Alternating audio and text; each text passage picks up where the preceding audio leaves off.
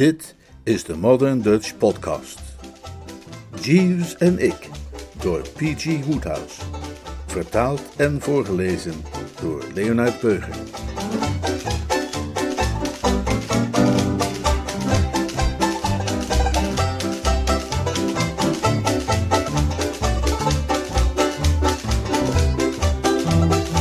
Hoofdstuk 2. Jeeves en de ongenode gast. Ik weet het niet 100% zeker, maar ik dacht dat het Shakespeare was, of anders zo'n andere bekende slimmerik, die beweert dat juist als een mens zich helemaal picobello voelt en meer dan anders in zijn nopjes is met alles om zich heen, dat dan altijd precies het lot stiekem achter hem opduikt met een lode pijp in de aanslag. En de man heeft ongetwijfeld gelijk. Bij mij is het in elk geval altijd zo. Neem nou bijvoorbeeld die krankjoreme geschiedenis van Lady Malvern en haar zoon Wilmot. Vlak voordat die twee opdoken, zat ik net te denken hoe perfect alles eigenlijk in elkaar stak. Uh, het was een verrukkelijke ochtend. Ik kwam juist onder een verfrissende douche vandaan en ik voelde me als een kleuter zo stralend en fit. Een extra reden om mij zo bijzonder vrolijk en opgewekt te voelen was het feit dat ik mij de dag tevoren eindelijk eens duidelijk had kunnen laten gelden tegenover Jeeves. Echt dat je zegt, eens stevig laten gelden, weet je wel. Het was de laatste tijd namelijk toch wel zo dat ik in rap tempo een slaaf dreigde te worden in mijn eigen huis. De man had me al haast zo goed als aan zich onderworpen. Ik vond het niet zo heel erg dat hij een van mijn nieuwe pakken in de ban had gedaan, want Jeeves' oordeel met betrekking tot herenkostuums is absoluut betrouwbaar, maar ik had toch bijna geprotesteerd toen hij me een paar halflederen schoenen verbood te dragen waar ik op gesteld was als op een stel tweelingbroers. En toen hij probeerde me de les te lezen in discussie over een hoed, heb ik echt mijn voet dwars gezet en eens goed laten zien wie er de baas was. Het is een lang verhaal en ik heb nu geen tijd om dat allemaal uit de doeken te doen, maar waar het op neerkwam was dat hij me de Longacre wilde opdringen, zoals gedragen door John Drew, terwijl ik mijn zinnen had gezet op de Country Gentleman, bekend door zo'n andere beroemde acteur. En het eind van het liedje, na een nogal pijnlijke scène, was dat ik toch de Country Gentleman aanschafte. Zo lagen de kaarten dus op die bijzondere ochtend, en ik voelde mij behoorlijk manhaftig en zelfstandig. Ik was nog in de badkamer en vroeg me af wat het ontbijt die ochtend te bieden zou hebben, terwijl ik onder vrolijk gezang met een ruwe handdoek de ruggengraat masseerde toen er op de deur werd geklopt. Ik staakte mijn gezang en opende de deur op een kier. Ahoy, daar buiten! Lady Melvin wenst u te spreken, meneer, zei Jeeves. Hè? Lady Melvin, meneer. Zij wacht op u in de woonkamer. Doe even normaal, Jeeves, kom op, zei ik nogal gestreng, want ik hou absoluut niet van practical jokes voor het ontbijt. Je weet heel goed dat er niemand op me zit te wachten in de woonkamer. Hoe zou dat kunnen? Het is nauwelijks tien uur. Ik begrijp van Lady Melvin dat zij vanmorgen op een vroeg tijdstip per lijnschip uit Engeland is gearriveerd. Dat maakt het een stuk aannemelijker. Ik herinnerde me dat toen ik zelf zowat een jaar daarvoor in Amerika aankwam, de dag aan boord ook was begonnen op een onchristelijk tijdstip als zes uur s ochtends, en dat we ruim voor achter op vreemde bodem waren geloosd. En wie mag dan die Lady Melvern wel zijn, Jeeves? Mevrouw heeft mij die informatie niet toevertrouwd, meneer. Is ze alleen? Mevrouw is in het gezelschap van een zekere Lord Pershaw, vermoedelijk haar zoon, meneer. Oh, nou, reik mij mijn gewaad, Jeeves, dan kleed ik mij aan. Ons heidekleur wandelkostuum ligt gereed, meneer. Nou, vooruit dan maar. Leid mij derwaarts. Terwijl ik mij aankleedde, probeerde ik ijverig te verzinnen wie die Lady Melvern in hemelsnaam toch weer kon zijn.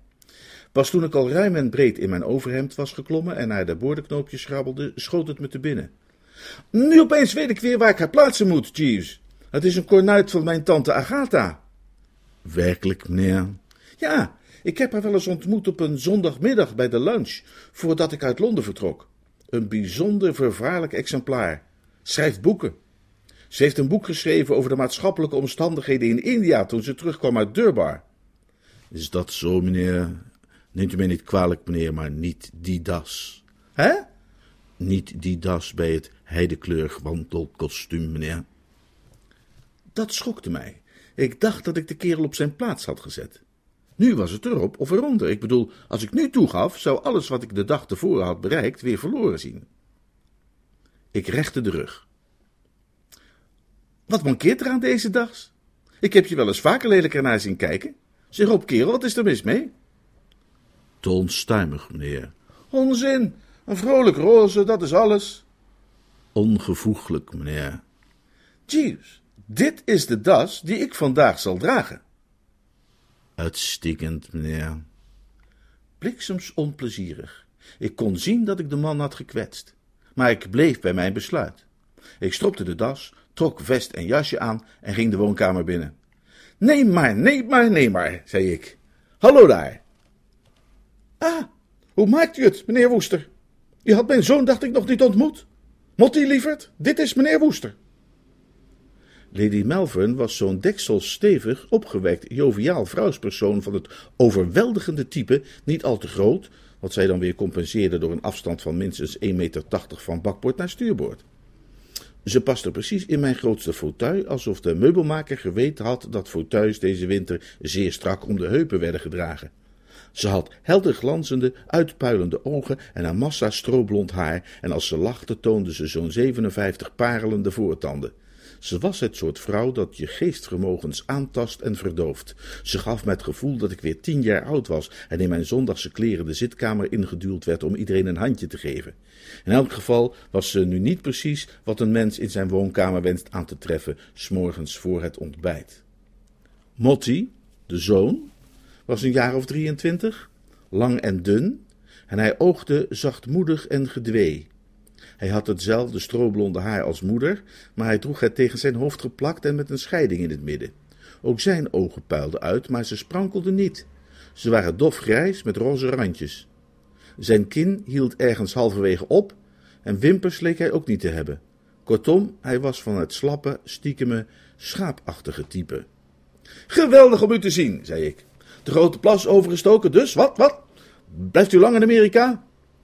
Een maand ongeveer. Uw tante heeft me uw adres gegeven en me op het hart gedrukt u een bezoek te brengen. Nou, ik was blij dat te horen, want het betekende dat tante Agatha een beetje bij begon te trekken. Vorig jaar was er wat oneenigheid gerezen toen ze mij naar New York had gestuurd om mijn neef Gussie te redden uit de klauwen van een meisje dat bij de revue werkte. En als ik je vertel dat het resultaat van mijn bemoeienissen uiteindelijk niet alleen was dat Gussie het meisje trouwde, maar dat hij bovendien zelf aan het toneel ging, en met succes, dan zul je begrijpen dat tante Agatha niet weinig ontstemd was. Ik durfde eenvoudig niet terug te gaan naar Engeland en haar onder ogen te komen, dus het was een hele opluchting om te ontdekken dat de tijd de wond in elk geval al in zoverre had geheeld dat zij haar vrienden en kennissen bij me langs stuurde. Ik bedoel, hoezeer ik ook van Amerika was gaan houden, ik zou het niet fijn vinden als ik de rest van mijn leven uit Engeland verbannen zou moeten blijven, want geloof me, Engeland is bij lange na niet groot genoeg om samen in te verblijven met een tante Agatha wanneer zij werkelijk op het oorlogspad is. Ik was dus opgetogen deze vriendelijke woorden te horen en glimlachte mijn bezoekers hartelijk toe. Uw tante zei dat u bereid zou zijn alles te doen om ons te helpen. Oh, maar natuurlijk, natuurlijk, absoluut. Dank u zeer. Ik zou graag zien dat u Motti hier een poosje zou willen onderbrengen. Ik vatte het even niet helemaal. Onderbrengen? In een hotel, uh, op mijn club? Nee, nee, oh nee. Mijn lieve Motti is bijzonder huiselijk aangelegd. Niet waar, Motti, lieverd? Motti, die op de knop van zijn wandelstok had zitten zuigen, kwam even uit zijn schulp. Ja, moeder, zei hij, en kroop meteen weer terug. Ik zou niet graag zien dat hij op een club kwam of in een horecagelegenheid. Nee, ik bedoel, kan hij hier bij u logeren, zolang ik de stad uit ben? Die gruwelijke woorden uitte zij op relatief honingzoete toon. Het mens scheen niet te begrijpen wat een walgelijk voorstel zij daar deed. Ik bekeek Motti nog eens van top tot teen. Hij zat nog altijd op zijn stok te sabbelen en staarde naar de muur. Het idee dat ik aan zoiets voor onbepaalde tijd onderdak zou moeten verschaffen, vervulde mij met ontzetting. Echt met ontzetting, begrijp je? Ik wilde net beginnen te zeggen dat een en ander volstrekt uitgesloten was, en dat zodra ik merkte dat Motti hier zijn matje uit wilde gaan rollen, ik om de politie zou roepen, toen zij haar mond opnieuw opendeed en mij als het ware met haar woorden en haar persoonlijkheid tijdelijk platwalste. Het mens bezat iets waardoor iemands wilskracht volkomen werd verlamd.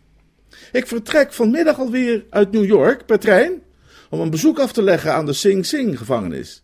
Ik ben bijzonder geïnteresseerd in de gevangenisomstandigheden in Amerika.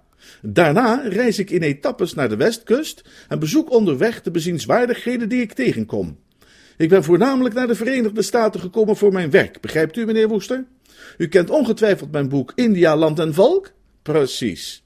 En nu zou mijn uitgever heel graag een vervolgdeel uitbrengen over de Verenigde Staten.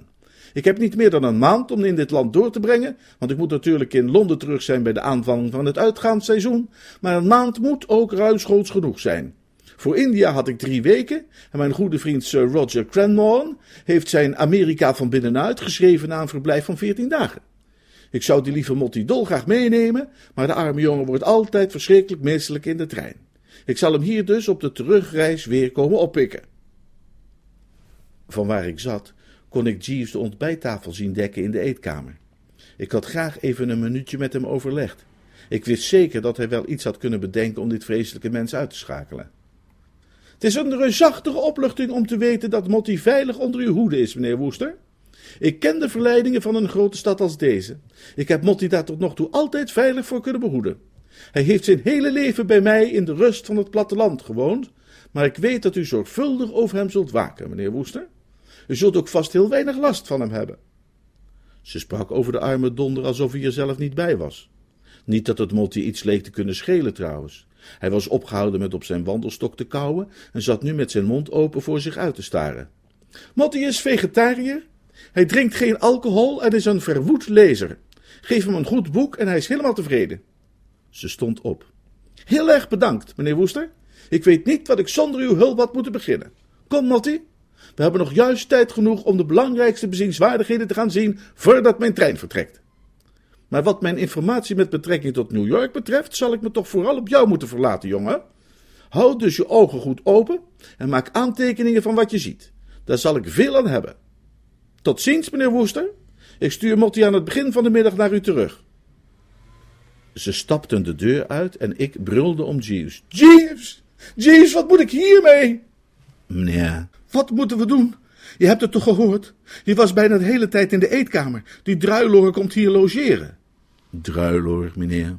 Die sukkel, die, die, die, die klunsklungel. Pardon, meneer. Ik keek Jeeves onderzoekend aan. Dit was helemaal niets voor hem. Het was alsof hij me opzettelijk niet wilde begrijpen. En toen snapte ik het.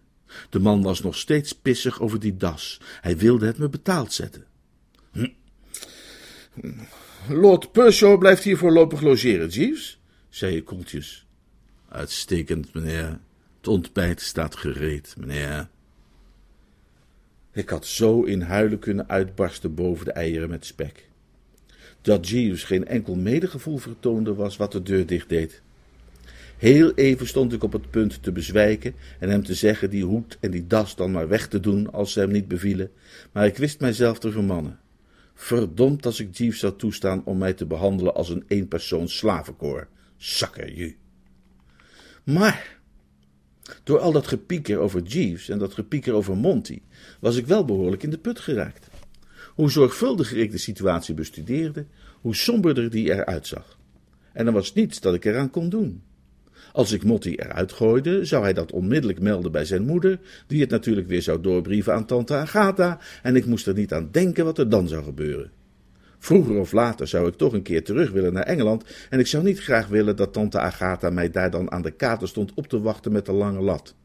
Er zat absoluut niets anders op dan die druiloor in huis te nemen en er maar het beste van te maken.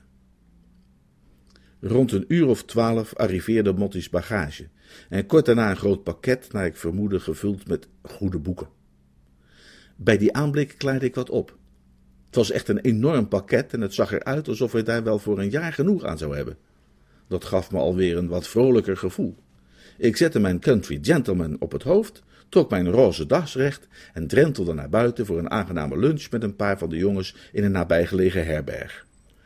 Dankzij voortreffelijke spijs en drank en niet minder smakelijke conversatie werd het nog een uiterst genoeglijke middag, en toen het tijd werd voor het diner, was ik het hele bestaan van die verdomde Motti eigenlijk al haast vergeten.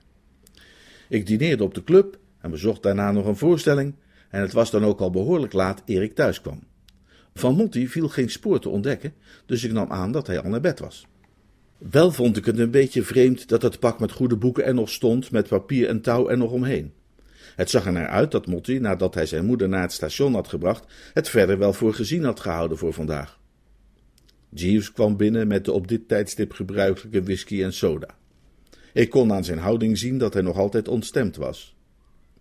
Is Lord Pershore naar bed gegaan, Jeeves? vroeg ik met de nodige koele afstandelijkheid en zo. Nee, meneer, Lord Pershore is nog niet thuisgekomen. Niet thuisgekomen? Hoe bedoel je? Lord Pershore keerde kort na half zeven terug, maar is direct na zich verkleed te hebben weer uitgegaan. Op dat moment klonk er buiten aan de voordeur een soort krabbelend geluid, alsof er iemand zich met behulp van zijn nagels een weg dwars door het houtwerk trachtte te banen. Daarop volgde een soort doffe bons. Je kunt maar even beter gaan kijken wat daar gebeurt, Jeeves. Uitstekend, meneer. Hij stapte de deur uit en kwam even later weer binnen. Misschien wilt u even met mij meekomen, meneer. Samen kunnen wij hem wellicht naar binnen dragen. Naar binnen dragen? Lord Pershaw ligt op de mat, meneer. Ik liep naar de voordeur. Jeeves had gelijk. Daar lag Motti, ineengezonken op de vloer. Hij kreunde een beetje. Hij moet een of andere aanval hebben gehad, zei ik. Ik bekeek hem nog eens goed. Jeeves, iemand heeft hem natuurlijk vlees te eten gegeven. Ja, hij is vegetariër, weet je wel. Hij heeft waarschijnlijk biefstuk zitten eten of zo. Roep een dokter. Dat lijkt mij geen zins noodzakelijk, meneer. Als u zijn benen zou willen optillen, dan zal ik. Maar goede genade, Jeeves. Je denkt toch niet. Hij zal toch niet. Ik ben geneigd te denken van wel, ja. En grote goden, hij had gelijk. Als je eenmaal op het spoor zat, kon het je niet ontgaan. Motti was zo dronken als een kanon. Het was een behoorlijke schok. Je kunt er toch ook nooit iets van zeggen, Jeeves? Nooit, meneer. Neem het oog weg van de meester en kijk eens wat er gebeurt. Precies, meneer. Moesje lief huilt telkens weer, ik vroeg het al zo menige keer. Wat? Zoals u zegt, meneer. Goed, dan sjouwen we maar naar binnen. Ja, meneer. We sleurden hem dus naar binnen en Jeeves legde hem in bed. Ik stak een sigaret op en peinsde over de kwestie na. Het leverde me een gruwelijk voorgevoel op. Ik vreesde dat ik mezelf in een behoorlijk lastig parket had gebracht. De volgende ochtend, nadat ik eerst een bedachtzaam kopje thee gedronken had, ging ik Motti's kamer binnen om eens te kijken hoe het nu precies zat. Ik had verwacht hem aan te treffen als een wrak, maar hij zat opgewekt rechtop in bed een bundel pikante verhalen te lezen. Ahoi, zei ik. Ahoi, zei Motti. Ahoi daar zeg, ahoi. Ahoi daar, ja. Ahoi zeg, ahoi hè. Het was vrij lastig de conversatie de juiste wending te geven. Hoe uh, voel je je vanmorgen? vroeg ik. Toppie, jodelde Motti vrolijk en met overgave. Zeg, moet je horen, die kerel van jou, die Jeeves, weet je wel, die kerel deugt. Ik had een gruwelijke koppijn toen ik vanmorgen wakker werd, maar hij heeft mij een mal troebel drankje gegeven en daar knapte ik in één keer weer helemaal van op. Hij zei dat het een uitvinding van hemzelf was. Moet beslist nog eens wat nader met die knaap overleggen. Lijkt me een toffe figuur. Het was niet te geloven dat dit diezelfde druiloor was die hier gisteren op de knop van zijn wandelstok had zitten sabbelen. Jij uh, had gisteren zeker iets gegeten dat verkeerd gevallen was of zo, uh, vroeg ik, om hem de kans te geven op een voor de hand liggend excuus. Maar daar wilde hij niets van weten. Wel, nee, antwoordde hij ferm, helemaal niet. Ik had gewoon te veel gedronken, veel te veel. Heel erg veel te veel. En zal ik je nog eens wat vertellen? dat ga ik straks weer doen. Dat ga ik elke dag doen. Als jij me ooit nuchter mocht aantreffen, beste vriend, zei je in een soort vrome vervoering, tik me dan op mijn schouder en zeg tutut, ho ho, lala, en dan zal ik onmiddellijk mijn excuses aanbieden en het gemis compenseren. Ja, maar wacht eens eventjes. Hoe moet dat dan met mij? Hoezo, hoe moet dat dan met jou? Nou, ik ben zo gezegd als het ware, bij wijze van spreken, verantwoordelijk voor jou. Ik wil maar zeggen, als jij dat soort dingen van plan bent, zit ik straks met de gebakken peren. Ja, maar dat soort dingen kan ik absoluut geen rekening gaan houden, zei Motti vastberaden. Luister eens even, vrolijke vriend. Dit is de eerste keer in mijn leven dat ik werkelijk kans heb om de verleidingen van de grote stad te ondergaan. En wat heb je aan de verleidingen van de grote stad als je er niet aan toegeeft? Zou ook helemaal niet aardig zijn tegenover de grote stad. En bovendien, mijn moeder heeft me gezegd mijn ogen goed open te houden en zoveel mogelijk indrukken te verzamelen. Ik ging op de rand van het bed zitten. Ik voelde me duizelig. Ik weet precies hoe jij je voelt, knul, zei Motti troostend. En als het niet zo tegen mijn principes indruiste, zou ik best om jou wil een beetje kalm aan willen doen, maar de plicht gaat u eenmaal voor. Het is de eerste keer dat ik alleen buiten mag spelen en ik ga zorgen dat ik het onderste uit de kan haal. Mens is maar één keer jong. Waarom de ochtend mijner jeugd verknoeit, hè? Verheug u, o jongeling, in uw jeugd, en uw hart zij vrolijk in uw jongelingsjaren. Trala, joho! Zo gesteld klonk zijn verhaal heel redelijk, moet ik zeggen. Heel mijn bliksemse leven, beste vent, ging Motti verder, heb ik opgehokt gezeten in het voorvaderlijk huis in Much Middlefold in Shropshire. En als je nooit opgehokt hebt gezeten in Much Middlefold, dan weet je niet wat ophokken is. De enige opwinding die je daarmee maakt is wanneer zondags een van de koorknapen betrapt wordt op het snoepen van chocola tijdens de preek. Als dat gebeurt, hebben we het er nog dagenlang over. Nu beschik ik over een hele maand New York. En ik ben hard van plan hier de nodige goede herinneringen te verzamelen voor tijdens de lange winteravonden. Dit is mijn enige kans om een verleden op te bouwen en reken maar dat ik dat ga doen. En vertel me nu eens, brave borst, als mannen onder elkaar, hoe stelt men zich in verbinding met die uitstekende figuur van een Jeeves? Moet je een bel luiden of roep je gewoon wat? Zou graag eens met hem in overleg treden over het onderwerp whisky en soda. ik had nog even het vage idee gehad, weet je wel, dat als ik een beetje bij Motti in de buurt bleef en hem zoveel mogelijk bij zijn uitstapjes vergezelde, dat ik zijn uitbundigheid misschien nog een beetje zou kunnen temperen. Ik bedoel, ik had gedacht dat als hij te midden van de feestvreugde zo af en toe mijn afkeurende blik zou opvangen, hij misschien geneigd zou zijn de festiviteiten een tikje te beperken.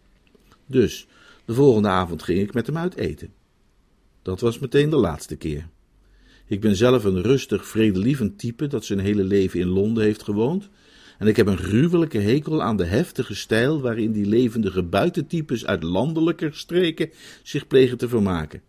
Ik wil maar zeggen, ik ben helemaal voor een stukje beschaafd amusement enzovoort, maar ik vind het een tikje ver gaan om zachtgekookte eieren naar de ventilator te gaan gooien.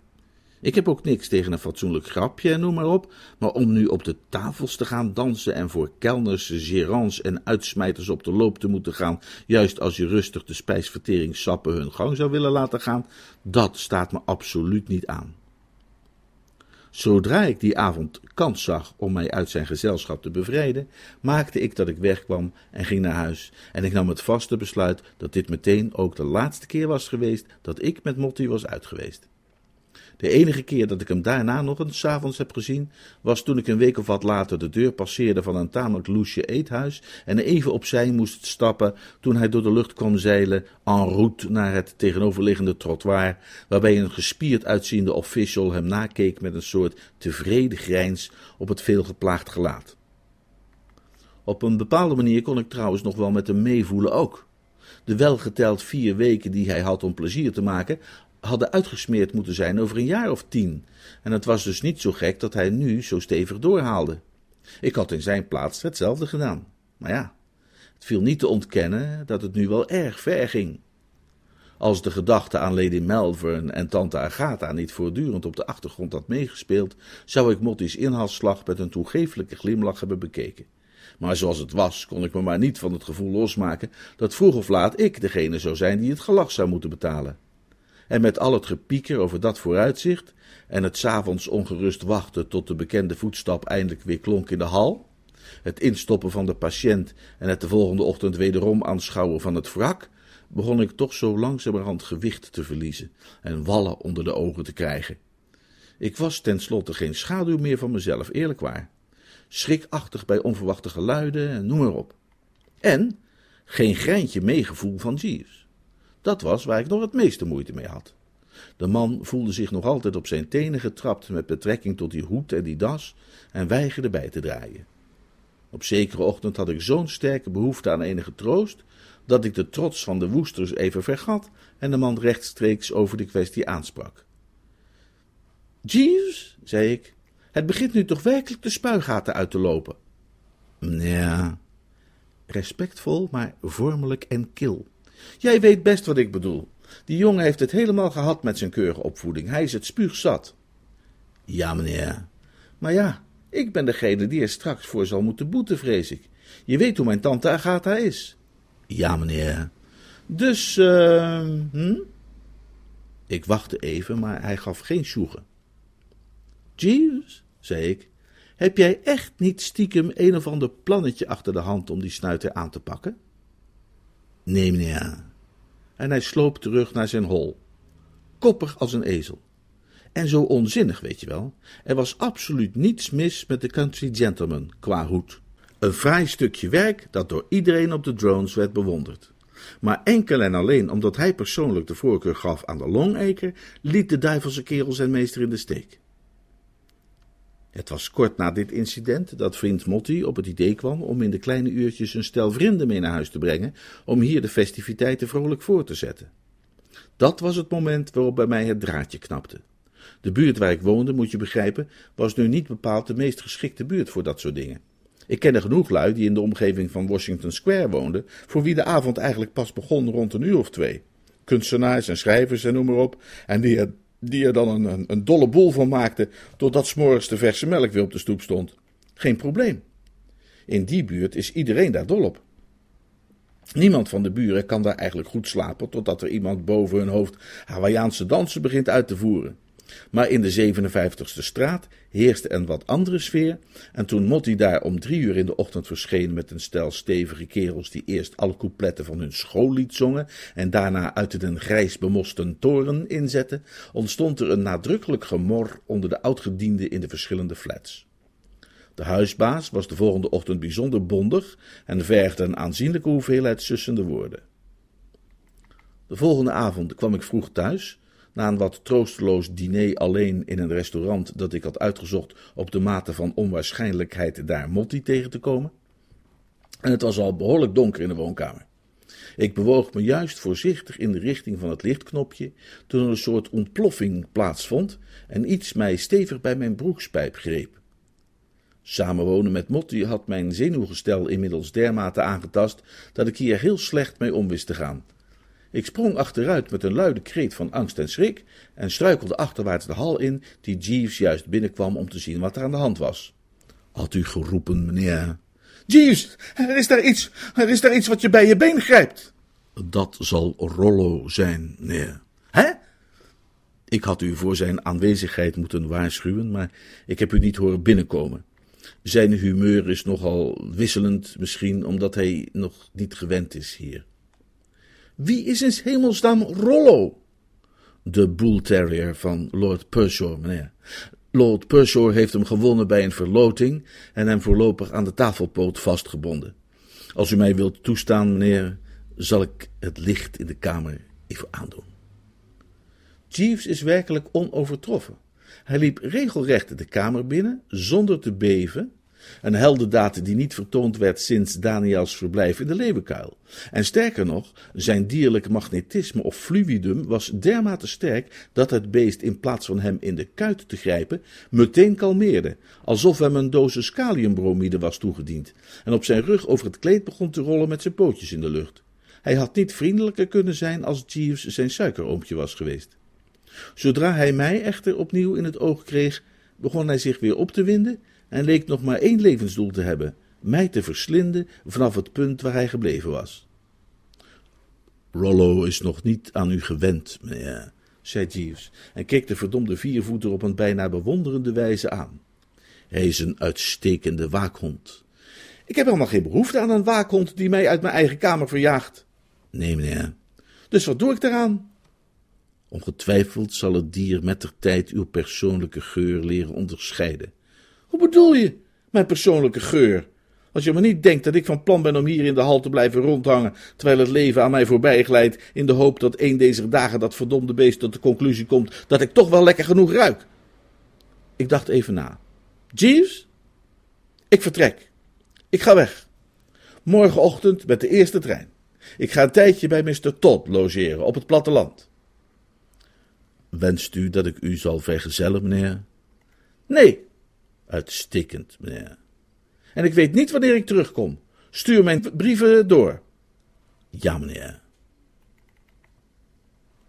In feite was ik binnen een week terug. Rocky Todd, de vriend bij wie ik was gaan logeren, is een beetje een vreemde vogel die helemaal op zijn eentje ergens in de wildernis van Long Island woont en dat leuk vindt. Voor mij is dat echter al gauw genoeg. Die brave Rocky is een fijne vent, maar een paar dagen in zijn huisje in het bos, mijlen overal vandaan, en New York, zelfs met een motti over de vloer, begint er opeens toch weer bijzonder aantrekkelijk uit te zien. Op Long Island duren de dagen 48 uur. Hè? S'nachts kun je niet slapen vanwege het bulderende gezaag van de krekels. En je moet er twee mijl lopen om ergens een borrel te kunnen krijgen en zes mijl voor een krant. Ik bedankte Rocky voor zijn gastvrijheid en stapte op de enige trein die daar rijdt.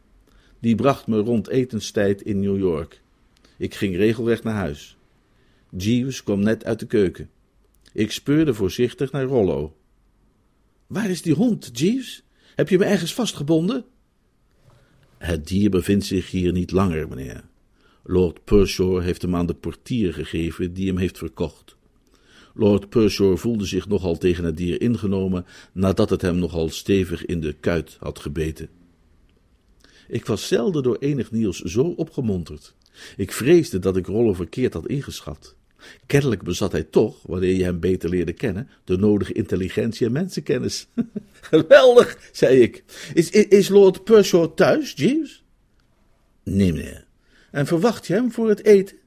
Nee, meneer. Waar is hij dan? In de gevangenis, meneer. Ben je wel eens op een hark getrapt, zodat de steel met een klap in je gezicht sloeg? Zo voelde ik mij op dat moment. In de gevangenis? Ja, meneer. Je bedoelt toch niet uh, in de gevangenis? Ja, meneer. Ik liet me in een stoel vallen. Hoezo? vroeg ik. Wegens geweld tegen een politieman, meneer. Lord Pershore is een politieman te lijf gegaan? Ja, meneer. Dat moest ik even verteren. Maar Jeeves, dat is verschrikkelijk. Nee, wat zal Lady Melbourne wel niet zeggen als zij achterkomt? Ik stel mij voor dat Lady Melbourne er niet achter zal komen, meneer. Maar als ze terugkomt, zal ze toch willen weten waar hij is? Ik neem aan, meneer, dat Lord Pershaws detentie dan inmiddels achter de rug zal zijn. Ja, maar als dat nu eens niet het geval is. In dat geval, meneer, zal het wellicht verstandig zijn om de waarheid een weinig te modificeren. Hoe dan? Ik zou het voorstel willen doen, meneer, om mocht die noodzaak zich voordoen, Lady Melbourne te zeggen dat Lord Percy een bezoek brengt aan Boston. Hoezo Boston? Een interessante en uiterst respectabele stad, meneer. Jeeves, ik geloof dat je weer eens gelijk hebt. Dat is ook mijn opvatting, meneer. En eigenlijk is dit het beste wat er had kunnen gebeuren. Als dit er niet tussen gekomen was, zou Monty waarschijnlijk in een ontwenningskliniek zijn terechtgekomen voordat Lady Melvern hier uh, weer zou zijn komen halen. Precies, meneer. Hoe meer ik erover nadacht, hoe beter die hele gevangenisgeschiedenis me toeleek.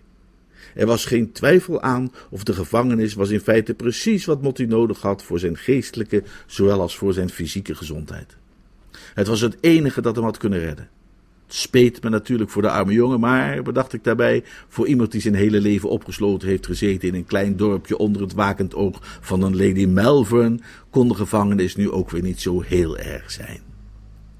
Alles bij elkaar gaf het me eigenlijk wel een bijzonder opgewekt gevoel. Het leven leek mij, zoals hoe heet die, de dichter het zegt, één groot en liefelijk lied. Een paar weken lang liep alles zo gladjes en vreedzaam dat ik, eerlijk waar, vrijwel vergeten was dat er ooit zo iemand als een Motti had bestaan. Het enige dat over de dingen toch wel een schaduw legde, was dat Jeeves zich nog altijd gekwetst en afstandelijk gedroeg. Niet dat hij iets bijzonders zei of deed, dat niet, maar er was voortdurend iets eigenaardigs in zijn houding. Op een keer, terwijl ik de roze das stropte, viel mijn oog op hem via de spiegel en er was een droevige blik in zijn ogen. Maar toen keerde Lady Malvern onverwacht terug, flink voor op haar schema. Ik had haar nog in geen dagen verwacht. Het was me ontgaan hoe snel de tijd was voorbijgevlogen. Het was op een ochtend vroeg. Ik was nog niet eens opgestaan en genoot in bed van mijn kopje thee, terwijl mijn gedachten nog wat heen en weer dwaalden. Jeeves zweefde de kamer binnen om aan te kondigen dat hij haar zojuist in de woonkamer had losgelaten, en ik sloeg mij wat gewaden om het lijf en ging naar binnen. Daar zat ze, in dezelfde fauteuil, nog even massief aanwezig als voorheen. Het enige verschil was dat zij de lippen ditmaal meer op elkaar hield dan bij de vorige gelegenheid. Goedemorgen, zei ik. U bent weer terug. Kijk eens aan. Ik ben terug, ja. Er was iets kils en onaangenaams in haar toon, alsof ze een oostenwind had ingeslikt. Ik weet dit aan het feit dat ze waarschijnlijk nog niet had ontbeten. Zelf kan ik ook pas na het ochtendmaal de ochtend weer begroeten met die zonnige opgewektheid die een mens populair maakt bij zijn omgeving. Ik ben nooit erg aanspreekbaar totdat ik een eitje of twee en een fikse kom koffie heb verzwolgen. Eh, ik neem aan dat u nog niet heeft ontbeten? Inderdaad, ik heb nog niet ontbeten. Wilt u dan niet een eitje of iets, of een worstje of iets, of iets? Nee, dank u wel. Ze sprak die woorden op een toon alsof ze deel uitmaakte van een anti-worstgenootschap of een algemeen verbond tegen de consumptie van eieren, en daarna bleef het even stil. Ik ben gisteravond al even bij u langs geweest, zei ze, maar u was niet thuis. Ach, dat spijt me. Heeft u een plezierige reis gehad? Uitstekend, dank u. Alles gezien?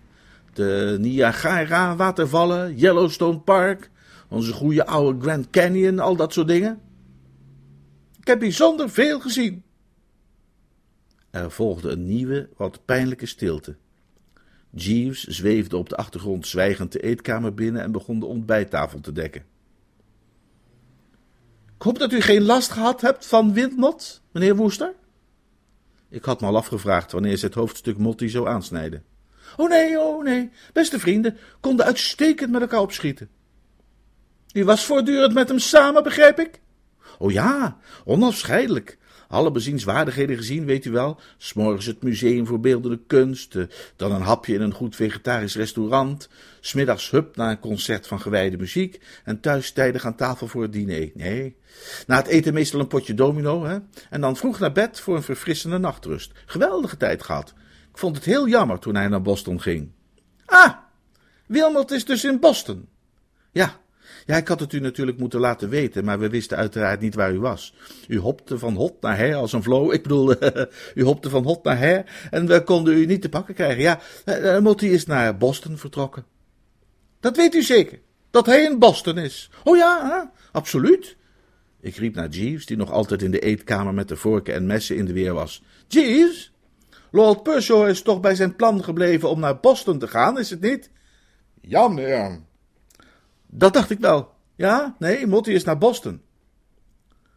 Hoe kunt u het dan verklaren, meneer Woester, dat toen ik gisteren de gevangenis bezocht van Blackwell Island om materiaal te verzamelen voor mijn boek, ik daar die arme Wilmot zag, gekleed in een streepjespak, naast een berg stenen met een zware hamer in zijn handen?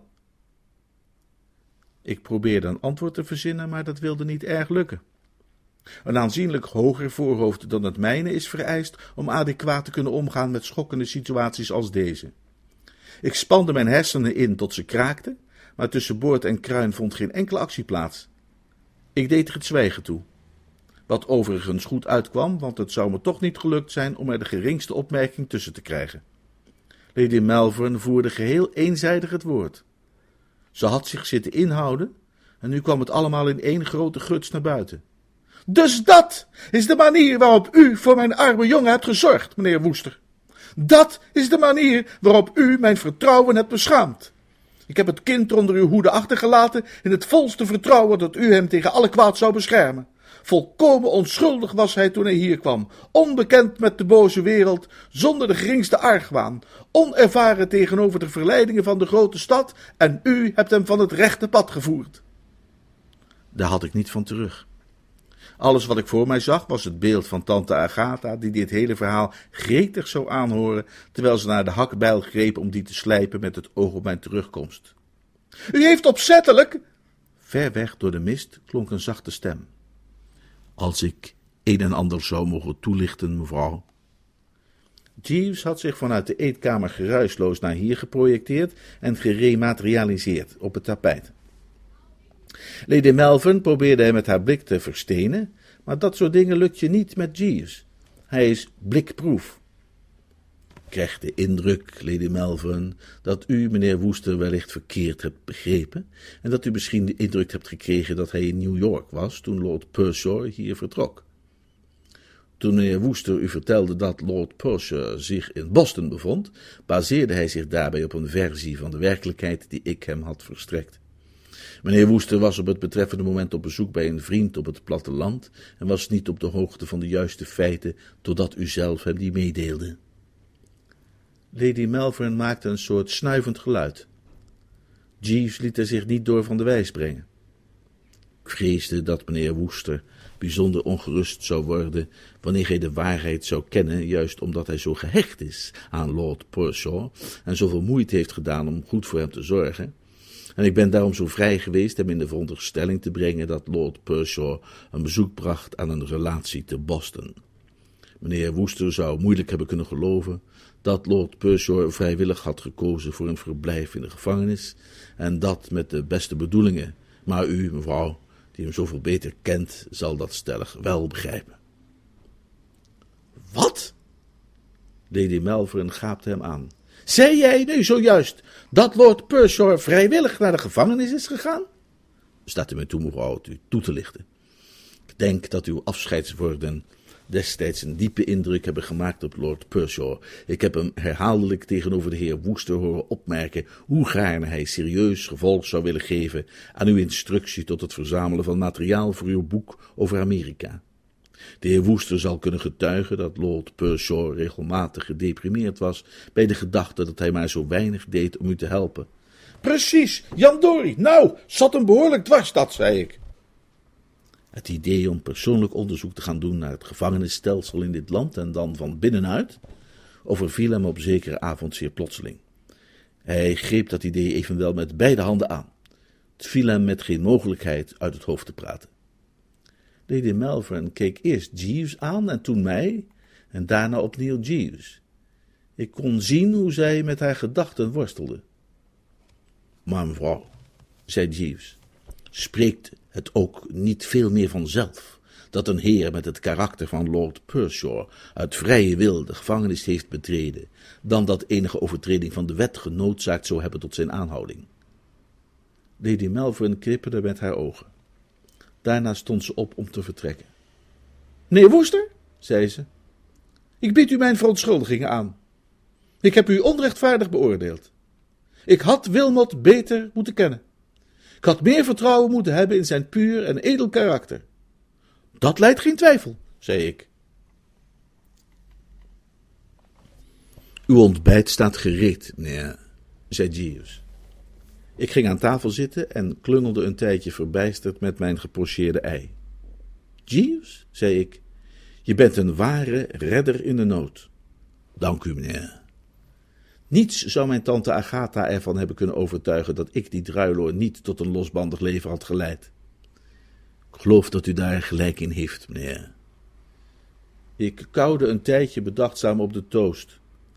Ik voelde mij werkelijk ontroerd, weet je wel, door de manier waarop Jeeves met de hulp was geschoten. Iets zei me dat dit een gelegenheid was die vroeg om royale beloningen. Ik aarzelde nog een ogenblik, maar het nam toen een besluit. Jeeves? Nee. Die uh, roze stropdas? Ja, meneer. Werp die in het vuur. Dank u, meneer. En Jeeves? Ja, meneer. Neem een taxi en haal voor mij de Longacre zoals gedragen door John Drew. Dank u zeer, meneer. Ik voelde me ontzettend opgelucht en blij. Ik voelde me alsof de wolken waren opgetrokken en alles weer was zoals vroeger. Ik voelde me als zo'n figuur in een van die romans die in het laatste hoofdstuk besluit om toch maar geen ruzie te gaan maken met zijn vrouw en alles liever te vergeven en vergeten. Ik voelde me alsof ik nog veel meer wilde doen om Jeeves te laten zien hoezeer ik hem waardeerde. Jeeves, dit is niet genoeg. Is er nog iets anders dat je op prijs zou stellen? Ja, meneer. Als ik zo vrij mag zijn, eh, 50 dollar. 50 dollar? Het zou me in staat stellen een ereschuld te voldoen, meneer, tegenover Lord Pershaw. Sta jij 50 dollar in het krijt bij Lord Pershaw? Ja, meneer.